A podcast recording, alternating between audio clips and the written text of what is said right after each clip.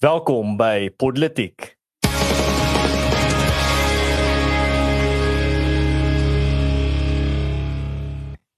Nou ja, goeiedag. My naam is Paul Marits en saam met my ateljee is Daniel Elof en Erns van Sail.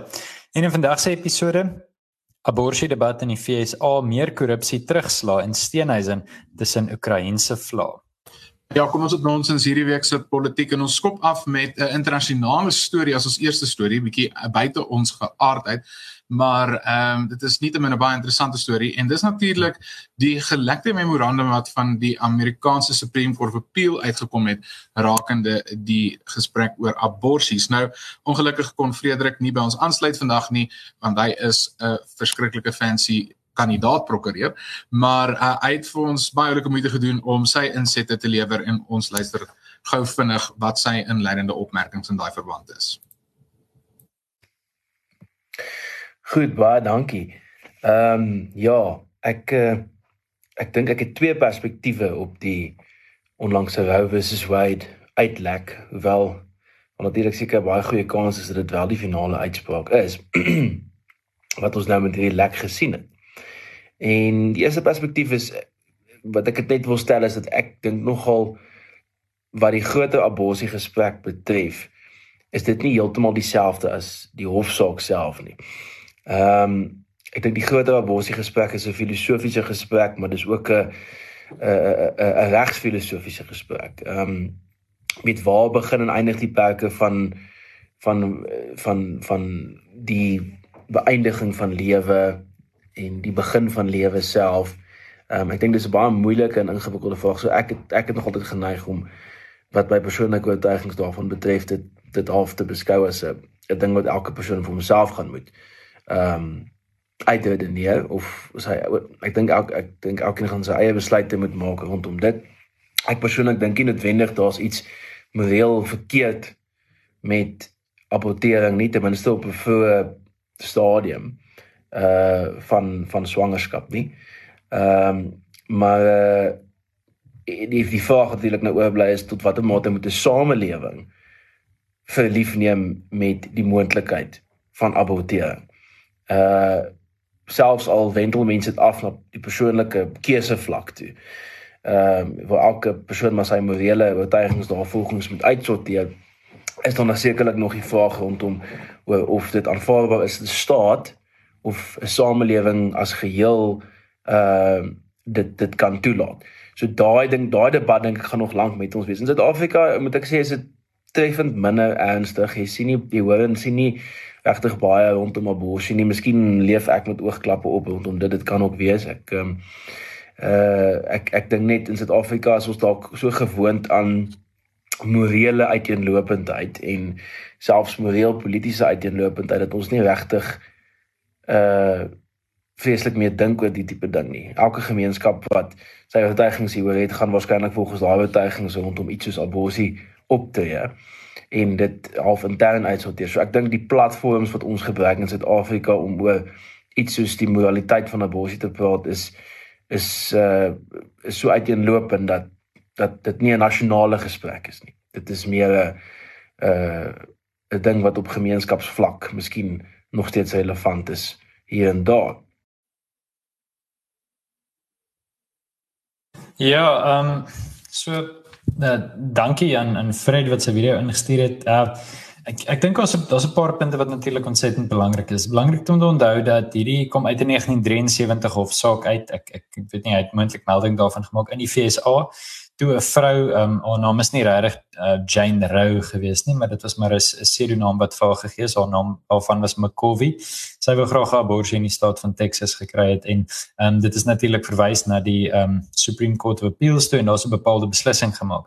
Nou is dit nodig om te sê, um nie dat dit enigstens in my wêreldbeskouing sin maak of saak maak nie. Ek meen kyk na hierdie paneel. Maar daai paneel was eksklusief wit mans almal bo die ouderdom van 50 indien dit enigstens enige mense se argument sou wees. Daar's nou baie mense wat sê maar hoe durf 'n paneel van ou mense hoofsaaklik mans nou 'n beslissing daaroor maak? Ek dink nie regtig dis ontsettend relevant nie.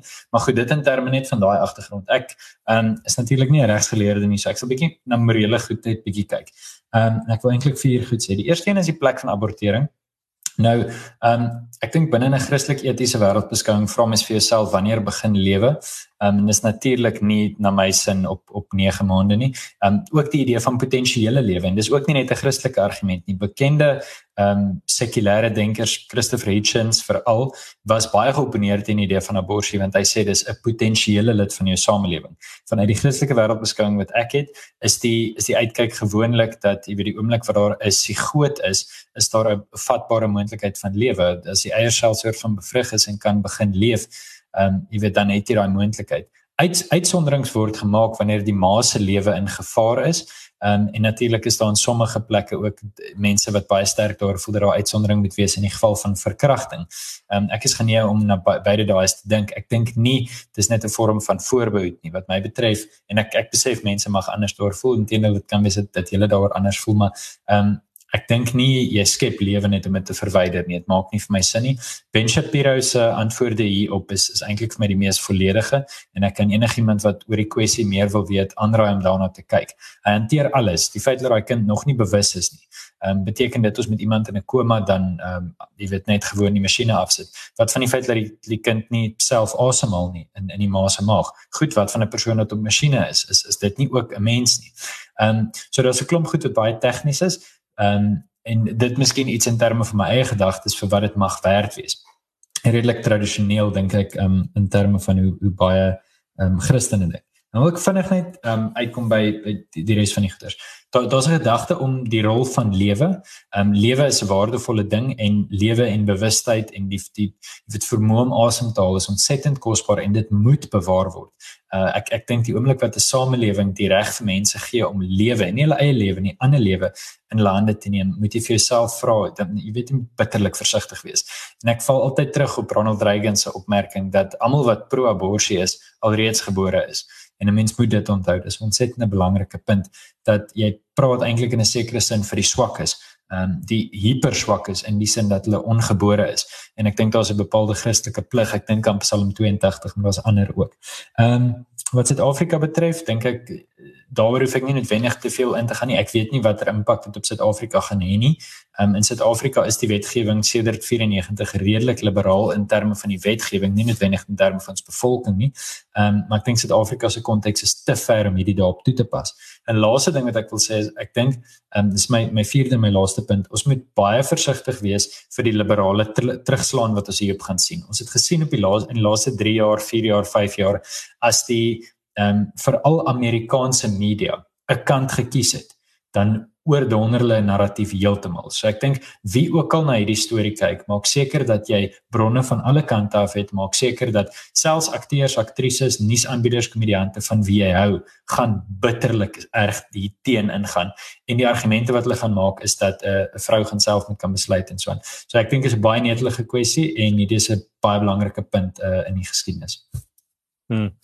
Ja, Paul, ek uh, ek's altyd spyt as jy uh, persone in ons kommentaar afdeling kla my punte vir my maak. Dis maar net die kaliber van ons luisteraars dink ek uh, wat daarso skyn. So wat ek wat ek wou gesê het wat klaar uitgewys het is dat ja, dit is nie 'n afskaffing van die uh, van die opsie van abortus nie. Dit is maar net om dit dan te los vir die staat. En dis ek het verstaan, ek is nie 'n regskenner nie. Ja, daar's baie ander aspekte ook aan. Ja, jy is reg. So ja, jy is reg. Dit word terugverwys. Ja, nou ek uh, is iemand wat uh, nou meer federalisties hierna kyk, kan nie enigstens iets fout daarmee sien nie. Ek dink dit is eintlik baie beter sodat daai state self kan besluit ehm um, wat is die uh die standpunt wat hulle wil inneem en ek dink soos ek dit ook verstaan, gaan dit dan moontlik wees as jy in 'n staat bly waar dit nie moontlik is nie, kan jy altyd na 'n ander staat toe gaan waar dit dan toegelaat word. Ek dink dit is dit gee vir mense meer opsies. Dit gee vir mense die opsie dat hy hy byvoorbeeld nie sy belastinggeld betaal uh wat dan gaan na iets wat hy as moreel verkeerd sien nie.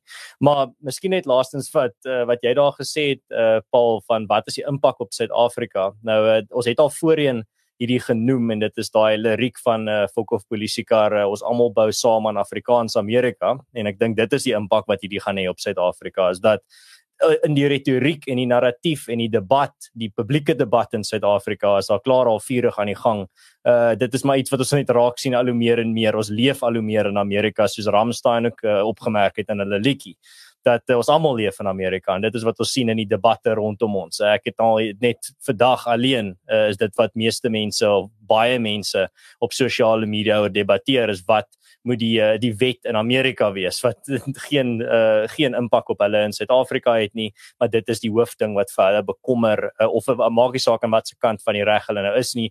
Ehm um, of wat se kant hulle aan van die saak hulle nou is nie dit is nou die hoofding wat op baie van hulle harte baie swaar dra.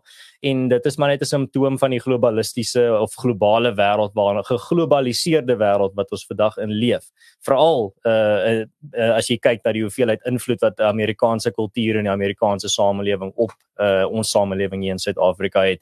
So daai sal ek sê om jou vraag te beantwoord uh, wat gaan die impak wees? Wel die impak gaan wees vir die volgende ten minste 'n paar weke gaan jy baie oor abortus hoor, maar glad nie in die Suid-Afrikaans wat die Suid-Afrikaanse konteks betref nie. Jy gaan dit net oral sien in ons koerante, uh in meningsstukke, in ehm um, uh, op die radio, op die televisie en op sosiale media en dit gaan alles oor 'n uh, 'n kwessie in 'n land aan die ander kant van die see, maar dit is die tyd waarin ons leef. En as ek uh, yes ek wil 100% beamoen wat jy sê net soos wat jy jou jou uh segment begin het sê dis al of jy sleg as die spreker voor jou al sê wat jy wou sê. Ehm um, ek beamoen 100% wat jy gesê het oor die tipe van uh, die die aanneem van Amerikaanse kultuur in Suid-Afrika en eintlik half die aanneem van Amerikaanse diskurs in Suid-Afrika wat regtig niks met ons te doen het. Ek bedoel dit gaan geen effek hê op hoe Suid-Afrika se abortuswetgewing ehm um, toegepas word of geïnterpreteer word nie. Ehm um, so dalk my snert om by te las voordat ek oorgaan na ons tweede storie vir die dag is de, de, vir my is die breër gesprek wil ons kan praat oor die, die moraliteit van van abortus. My posisie is baie duidelik en eenvoudig hieroor. Ek glo dis 'n lewe met ander woorde is besig om moord te pleeg. Dis dis regtig so eenvoudig wat dit vir my is.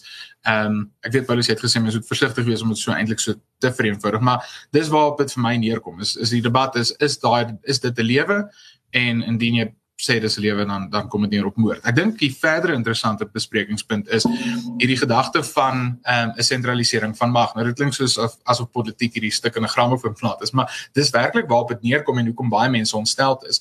Ehm um, die die mense is ontstel dat state self kan besluit. Ek bedoel dit mag dalk wees dat dit letterlik niks op die grondvlak verander nie, né? Nee, dit ek bedoel die die state waar abortus ehm um, wettig is en nie wettig is nie. Dit dit gaan nie regtig enigstens 'n verskil maak nie. Al wat dit doen is dit vat die besluitneming nader aan spesifieke state en nader aan gemeenskappe. Maar dit is nie wat die voorstanders van abortus wil hê nie, want hulle wil 'n sentralisering van mag hê. Maar ons moet ook onthou hulle soek net daai sentralisering van mag mits dit beam wat hulle voel. Met ander woorde, hulle wil nie 'n sentralisering van mag hê as die die, die sentralisering van mag se bepaal dat abortus is nie wettig nie, dat abortus behoort nie plaas te vind nie. En en dis waarmee ons sit. Ons sit met hierdie dis hierdie stryd. Aan die een kant is daar die mense wat eintlik vir al die die ek sou sê die redelike gematigde posisie wou gehad het, maar hulle word uitgekry en hulle word uh uitgebeeld as die ekstremiste. Hoe kan hulle dink dat die state moet besluit oor abortusregte in in hulle state teenoor die mense wat sê ons moet eerder na een sentrale federale stelsel of of 'n eintlik 'n eenvormige stelsel hierdie besluit moet neem. En dis waar dit gaan. Dis hierdie stryd tussen sentralisering van mag ehm um, teenoor gemeenskappe wat self behoort te kan besluit. Nou ja, ehm um, ek het eintlik 'n bietjie vreeslik uh, passievol hieroor gepraat, maar dalk sit 'n gesprek wat ons eendag in, in meer diepte behoort te hê. Kom ons bespreek dan die tweede uh, onderwerp vir vandag se episode en dis natuurlik die sondekommissie wat 'n uh, vierde verslag bekend gemaak het. Nou ehm um, die vierde verslag lys basies 30 individue wat eh uh, die sondekommissie voorstel behoort deur die nasionale vervolgingsgesag vervolg te word. Nou dit bring nou die totaal van ehm um, mense op hierdie hierdie lys wat vervolg moet word na 130. Nou hierdie verslag fokus spesifiek op 'n paar privaat maatskappye, Alexcor en eh uh, EOH en dan natuurlik ook op Eskom en dan so paar so paar ander maatskappye. Nou, daar's baie bekendes wat wat hierby ingesluit word. As dit kom by Eskom, praat ons van ehm um, Marcela Koko, Brian Molefe, ehm um, natuurlik ook iemand soos Sean Marits. Uh wanneer dit kom by Alexkor is dit ehm um, mense soos voormalige komiteeslede, ehm um, ook van die mense wat aan die bestuur was van uh Alexkor die uh, natuurlik die bekende diamant uh vervaardiger. So dis 'n hele lys van mense wat nou hier gelys word weer eens en ons het dit al herhaaldelike politiek gesê, uh hier's nou hierdie lys wat sê en aanbeveel die mense behoort vervolg te word. Die groot vraag is natuurlik wel gaan daar enige gevolge wees. En ons het dit al herhaaldelik hier genoem dat uh, ek dink nie daar gaan enigiets hiervan kom nie as as ek dink een van daai 130 mense op die einde agter tralies sit, sal dit my verbaas.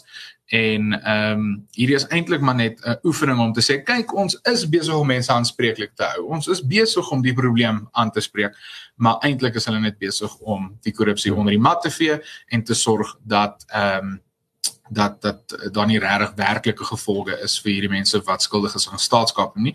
En die rede is natuurlik dat dieselfde mense wat nou hierdie oefening behartig, jy weet die Cyril Ramaphosa wat aangekondig het hy gaan die staatskapkommissie op die been bring, was self uh, as adjunk president van die land aan die hoof van die ANC se kaderontplooiingskomitee. Hy het uh, baie bekend gesop 6 7 jaar terug gesê uh, hy sal beerdkrag stop.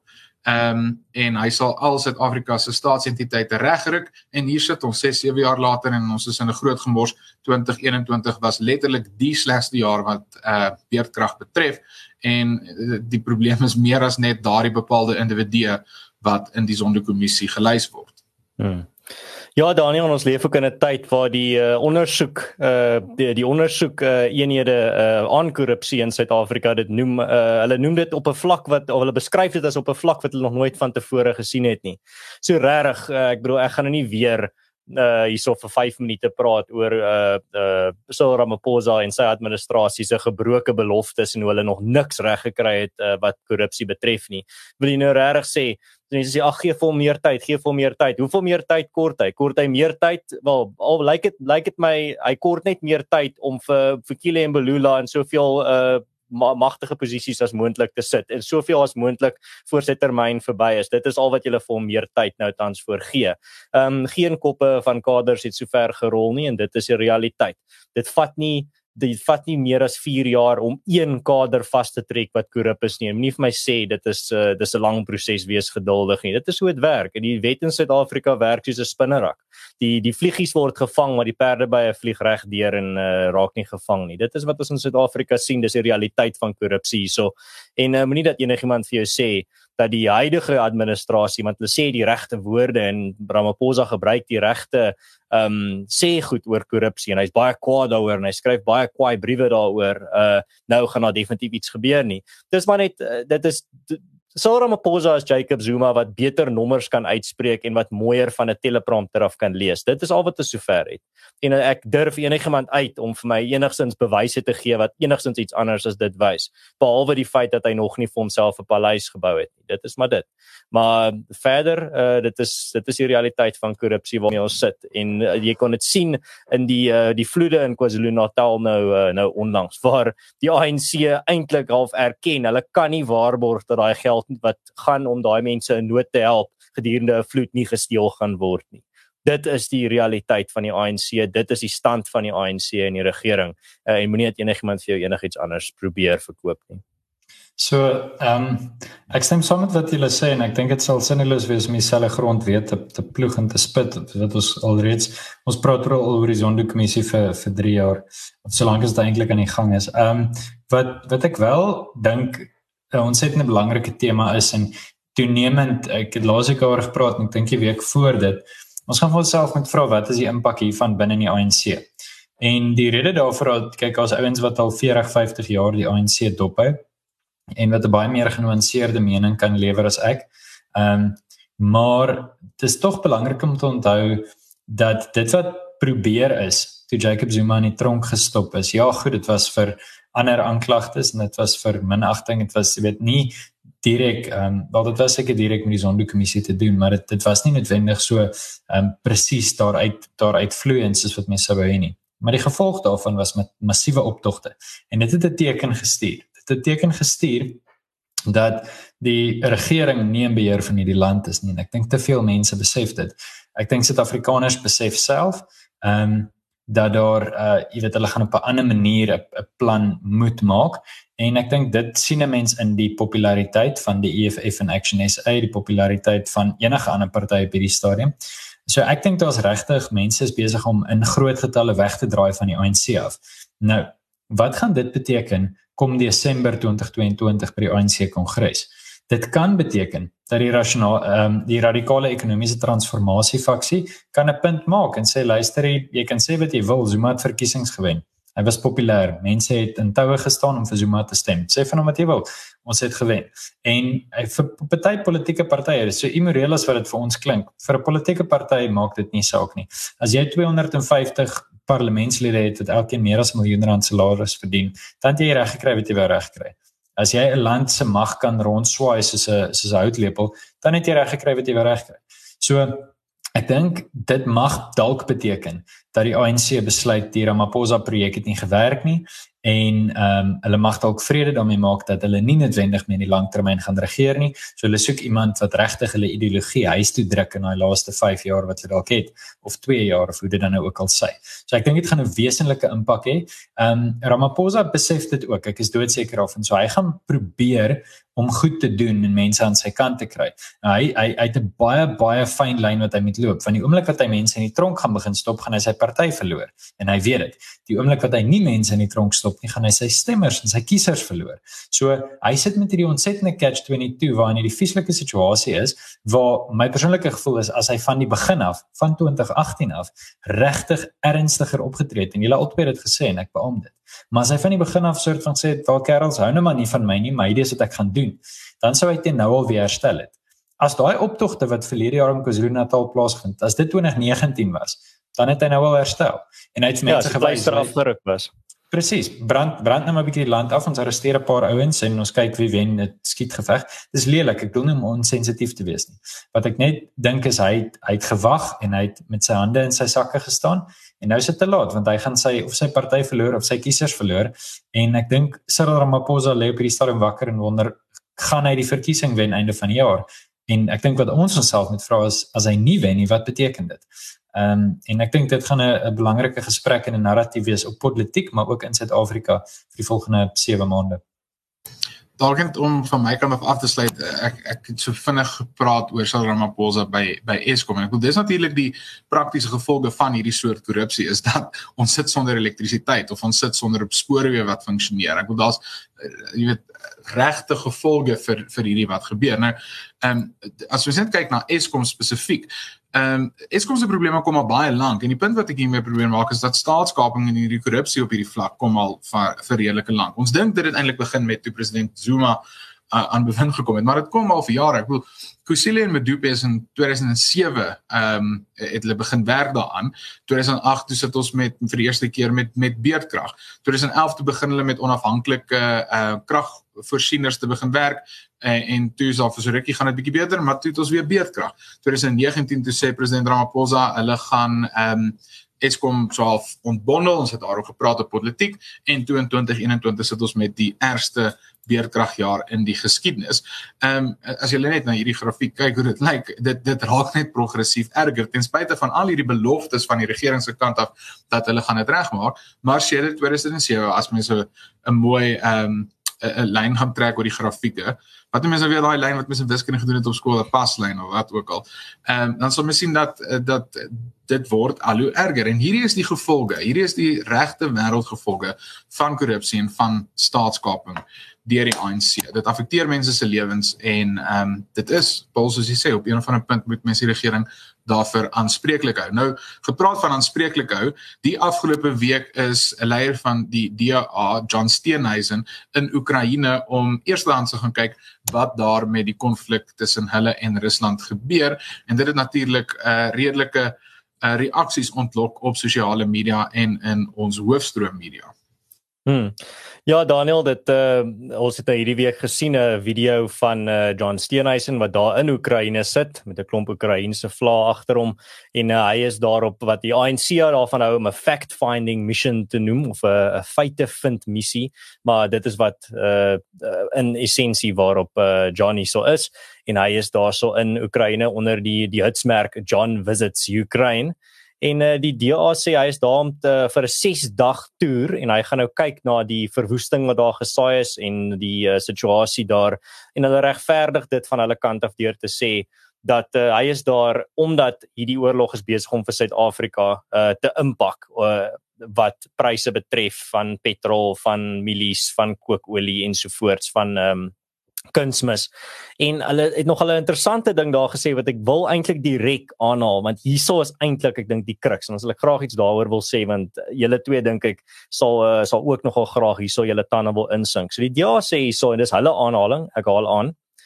Ons durf nie maak asof dit 'n oorlog is wat niks met ons te doen het nie en ons durf nie voorgee dat dit 'n uh, dat dit in uh dat omdat dit bewonderswaardig is om in hierdie situasie neutraal te bly nie wanneer ons duidelik en onmi, uh, onmiskenbare bewyse van onreg het, is dit aan die slagoffers het ons dit aan die slagoffers verskuldig om 'n kant te kies en uit te praat. Einde van aanhaling. Nou dit ek ek is baie sinies oor partytetiek en ek dink ons luisteraars weet dit op uh, op politiek en de, ek gaan deur daai lens aanhou na na hierdie ook kyk. Wat ek hierso sien is 'n uh, 'n baie mooi storie. Dis 'n baie mooi soundbite, dis 'n baie mooi uh, aanhaling op op die radio te speel en um om in die koerante te plaas. Maar dit raak nie konsekwent toegepas nie. Nou die uh, opponente van die DA of die mense wat nie ooit vir die DA in hulle lewe sal stem nie, uh het die die uh, kritiek geopper hierdie week dat uh, die DA nie na ander lande byvoorbeeld in Afrika waar daar oorlog is wat ook uh, in byvoorbeeld in suidelike Afrika wat 'n impak op Suid-Afrika het soos Mosambiek, hulle het nie daartoe gegaan nie.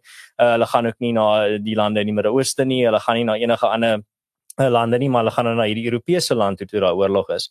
En daar is 'n doring van waarheid in daardie kritiek volgens my. Ek dink regtig nie hierdie ehm um, hierdie uh, regverdiging wat die DA op die tafel sit is heel raak heeltemal konsekwent toegepas nie. Dit is die eerste keer wat so iets gebeur van 'n politieke party af in uh, in die onlangse onlangse geskiedenis wat ek kan kan dink en ek om regtig eerlik te wees kan nie sien hoe dit 'n impak gaan maak op uh, op Suid-Afrika of op op Oekraïne nie wat dit eintlik meer vir my lyk like, is soos 'n 'n beweging van 'n van van 'n party af wat homself wil posisioneer op die globale skaakbord. Die DA wil homself posisioneer in kontras tot die ANC.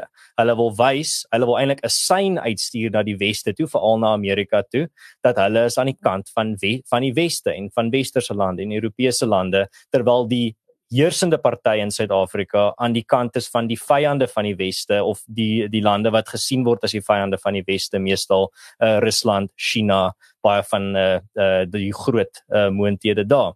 Nou dit is wat vir my uitstaan hier soos ek sê ek ek moet bieg ek kyk deur 'n baie siniese lens na hierdie maar dit is soos wat dit vir my lyk. En wat uh John Steenhuisen hierso doen by in die manier wat die DA dit raam dit lyk vir my asof hulle baie desperaat is om dit te regverdig, maar uit daai hoek uit van hulle wil hierdie hierdie morele ek sal dit 'n morele sein eintlik, 'n morele sein in die buitewêreld instuur en wys hierdie is die kant waaraan ons is in die groter prentjie en as jy ooit uh, in Suid-Afrikaanse sake betrokke raak dan weet jy waar ons staan. Hulle posisioneer eintlik hulle self uh vir 'n toekoms waar die wêreld al hoe meer sy rug op die ANC regering en op die Suid-Afrikaanse heersende party gaan draai waar hulle hulle self wys as die morele oppositie die uh, legitieme en die die sterk oppositie met 'n morele ruggraat. Dit en met uh, westerse waardes as hulle as hulle fondasie dit is wat ek hierso sien. Dit is die sein wat ek hierso optel van die DA af maar ek sou graag wil hoor wat julle ook uh, hier te sê het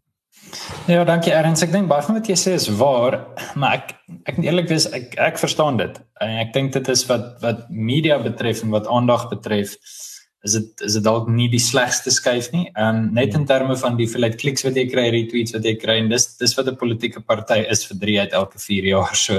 Ehm um, okay, wat wat ek ek wil wil 'n paar goed sê. Dis nodig om vir ons om vir mekaar te sê 'n paar goed kan op dieselfde tyd waar wees. Ehm um, ek dink dit is verseker so dat jy weet daar is belange vir Afrika by ander Afrika konflikte. Dit is ook waar dat 'n uh, politieke party dit gaan doen wat die meeste aandag gaan gaan trek. Ek weet nie of Steenhuisen geweet het dat hy dieselfde tyd as Nancy Pelosi daar gaan wees nie, maar ek vermoed sy kry al die eerste klas aandag by Volodymyr Zelensky en ek dink ook nie hy sal sommer met 'n oppositieleier ontmoet nie. Ehm um, dis maar net nie tipies van 'n staatshoof om met 'n oppositieleier te ontmoet nie. Dit dis maar net nie goeie tak nie. So Ehm um, en ek ek dink hulle het dit 10 en geweet. Ehm um, ek dink die die belangrike punt wat jy maak wat ek 100% met jou oor saamstem is hulle probeer hulle self as die amptelike oppositie bevestig deur jy weet daar's 'n bepaalde narratief in die wêreld en ek verstaan daar's daar's baie meningsverskil in die wêreld op hierdie stadium oor aan watter kant staan jy. Ek dink jy is nodig om noodwendig aan 'n kant te staan nie. Jy kan vir jouself jy weet paar goed kan op dieselfde tyd waar wees. Ons het al baie oor Oekraïne gepraat um, in die laaste paar maande op politiek, maar dit kan wees dat NAVO baie meer doen as wat hulle veronderstel is om te doen. Dit kan wees dat Rusland oor hulle eie grense gaan en 'n ander land inval. Altyd daai goed kan waar wees op dieselfde tyd. Ehm um, en so ek ek dink nie noodwendig dit dit is die die kern hierson nie. Die kern is dat lewens word verloor en die wêreld raak bewus van dit en die Suid-Afrikaanse regering is weer eens huiwerig om op te tree. Selfs as ons gesê het met die Zondo-kommissie, selfs as met Zuma se vervolging alles, daar's daai daai bang oomblik, amper daai en dit daai oomblik wat jy eintlik al moes 'n tree geneem het wat hulle nie gedoen het nie. Ehm um, en mense verstaan natuurlik die hele verhouding tussen Suid-Afrika en Rusland. Daar het mense daar, daar het ons al baie gepraat. Hulle sê van kan nie eintlik 'n besluit maak nie. Maar die gevolg hiervan is nou, nou sit jy met eintlik laaghangende vrugte vir die DA wat en ek ek ken nie vir John Steenhuisen persoonlik nie. Ek weet nie hoe voel hy noodwendig oor Oekraïne nie. Dit kan wees dat dit regtig vir 'n persoonlike saak is in plan. Maar ek stem met jou 100% saam, Erns. Ek dink dit is uh dis wat media betref is dit eintlik wat wat my betref 'n goeie skuif. Dit het hulle miskien 100 000 of 200 000 rand gekos en die media wat hulle uit kry met dit vir volgende 2 jaar uit gaan kry. Ek meen ek sien al daai tweets Februarie 2024. Ja, ANC, julle het niks gedoen nie of julle het gestaan en kyk of jy weet elke liewe keer vir die volgende 2 jaar of vir die volgende hoe lank ook al ja. waar daar slegte nuus gaan kom uit Oekraïne uit, dan gaan die DA sê wel ja, ons het daarom iets probeer doen. Ehm um, is dit 'n media taktik? Ja, ehm um, maar ek dink weer eens dis maar wat partye doen. So ek voel ek het nou 'n paar keer myself herhaal, maar ehm um, miskien miskien maak dit sin. So ek dink grootendeels stem ek saam, maar wat wat tog vir my belangrik is is ek ek verstaan dit so klein bietjie. Uh van my kant af as ek het, ek het uitgesien na die gesprek want jy het nou klomp goed gesê waarmee ek saamstem so nou kan ek eers vreeslik met jou strei nie. Ek ek dink jy slaan die spyker op die kop deur te sê dis 'n posisionering. Dis 'n baie doelbewuste posisionering deur die DA. Ehm um, dit is soos wat jy sê in in om hulle in uh, verstaan kontras te plaas met die ANC. Want net 2 weke gelede het ons gepraat oor Ramaphosa wat nou eers vir Vladimir Zelensky gebel het. Uh, ons het in aan die begin van Maart gepraat oor die feit dat hy al klaar met Putin in, in verbinding getree het. Hmm. Ons het gepraat uh, al op politiek oor die uh, Suid-Afrika se rekord by die VN en hoe ons gestem het oor die verskillende ehm um, resolusies teen Rusland en, en oor hierdie konflik. So dis 'n baie doelbewuste ehm um, skuif. Nou ek, ek ek het, ek stem saam met Paul, ek dink dit was 'n slim skuif van hulle kant af. Ek dink wat ons moet onthou is daar's 'n groot groep Suid-Afrikaners wat na hierdie oorlog kyk en dis vir hulle vreeslik. Uh, net soos mense oor die hele oor die hele wêreld, want hier is een van die eerste konflikte wat regtig so amper regstreeks uitgesaai word en en op sosiale media geplaas word en dit laat baie mense baie nader aan die konflik voel as wat hulle werklik is. En ek dink dis op daai uh sene weer amper wat die wat die DA probeer speel. Hulle probeer daai ehm um, simpatie kry, hulle probeer daai ondersteuning kry om te sê kyk, ons is die party wat wat ehm um, amper Oekraïne in hierdie omstandighede ondersteun. En ons moet dit ook sien in die konteks van dis nie net hulle wat hulle self so posisioneer teenoor die ANC nie, maar eintlik teen die grootste partye in die land. Ek bedoel die EFF is baie openlik pro-Rusland. Die ANC is pro-Rusland, maar so half stil stil so. So dit is maar daai strategiese besluit wat hulle geneem het. Maar die feit van die saak bly staan, dit is redelik ehm um, dit dis dis dis nie algemeen vir 'n leier van 'n oppositieparty om na oorlogsone toe te gaan nie. En dis hoekom die kritiek uitgespreek word teen die DA. En dit is so 'n bietjie uh soos in Engels sê out there skuif maar ek dink dit mag dalk net vir hulle werk wat my frustreer en dis my laaste punt is dis my frustrerend wanneer mense sê maar hoekom is het John is nie byvoorbeeld KwaZulu-Natal besoek tydens die vloede nie. Wel die punt is hy het. Hy was daar. Hy was letterlik tot met verlede week nog in KwaZulu-Natal besig om na die skade van die vloede te kyk en in in die Oos-Kaap. Ehm um, so daar's daar's aan die een kant die mense wat absolute onredelike kritiek teenoor die DA uitspreek en dan dink ek is daar die regverdige kritiek oor oor die skuif en jy hoef nie noodwendig saam te stem met die besluit vir hom om daartoe te gaan nie. Ehm um, maar ek dink as dit kom uit suiwer politiek, suiwer uit wat gaan vir hulle stemme kry, dink ek uh, daar's 'n baie goeie rede hoekom die DA dit gedoen het. Ons weet hoe sterk ideale besluite baseer op ehm um, polling, op op meningsopnames en ek kan nie dink dat hulle hierdie besluit polling, dis is hulle vir my luister op politiek ja. ja. Polling. Dit's van 'n nuwe poll soort polling begin. Maar ja, uit die punt is hulle sou nie net eenvoudig hierdie besluit geneem het nie. Hmm. Ja, daar nog net 'n kort gedagte van my om af te sluit mee, maar meer net uh, in die groter prentjie weer, nie eintlik spesifiek oor hierdie storie nie. En dit is dit sluit eintlik aan by 'n vorige uh storie wat ons ook nou oor gepraat het vandag, die abortus storie in Amerika. Soos wat ons in 'n meer geglobaliseerde wêreld leef, dit beteken nie jy hoef in elke kwessie 'n sokkerspan te, jy hoef nie 'n sokkerspan te ondersteun in elke liga nie dit is regtig nie vir jou van jou 'n morele verantwoordelikheid nie. Ek het baie begrip byvoorbeeld vir die Oekraïense mense as 'n Afrikaner wat ook verstaan uh, of selfs 'n kultuur wat uit 'n uh, uit 'n geskiedenis het van imperialisme wat uh, jou kultuur probeer verswelg of 'n imperiale mag wat jou land binneval en jou soewereiniteit aantas ek het baie begrip daarvoor en ek gaan nie hierso staan en sê wat Rusland kom nou in is die goeie ouens nie uh, Oekraïners die slegte ouens of anderste om nie. Want ek verstaan ook uh, want jy moet ook verstaan wat aan die gang is. Dit is nie dat Putin net eendag wakker geword het en besluit het ek gaan hierdie doen want ek voel boos vandag nie of um, my eiers was nie vanoggend reg gekook nie nou of my uh, nou gaan ek uh, sommer net vir my buurman binneval nie. Daar's ook rasionaal en redes aan die Russiese kant en mens moet dit verstaan om die groter prentjie te sien. Maar soos ek op 'n vorige episode ook gesê het kyk na 'n kwessie, as jy daarna kyk, moet jy altyd bewus wees van die feit dat uh propaganda is omni uh omnidirectional. Dit is in alle rigtings. Dit is nie net daar's een kant wat 'n klomp propaganda maak en die ander kant veg vir die waarheid nie.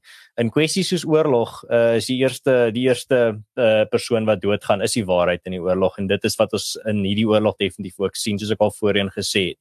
Um en dit is iets wat mense in ag moet neem. En soos ek sê, moenie daai druk voel dat jy in elke internasionale kwessie of dit nou die abortus debat in Amerika of die oorlog in Oekraïne of 'n verkiesing in Engeland of wat ook al dat jy elke keer hierdie druk op jou het maar ek moet nou my profielfoto verander of ek moet nou 'n uh, 'n Facebook status plaas wat sê ek is aan die kant van X of Y of wat ook al nie jy kan self jou tyd vat en na die kwessie kyk en die nuances self debatteer en besluit, maar jy hoef nie asof dit 'n sokkerspan is jou hemp aan te trek met hulle embleem op om vir die wêreld te wys jy's aan hierdie kant nie. Jy dit is regtig nie 'n morele vereiste van jou nie.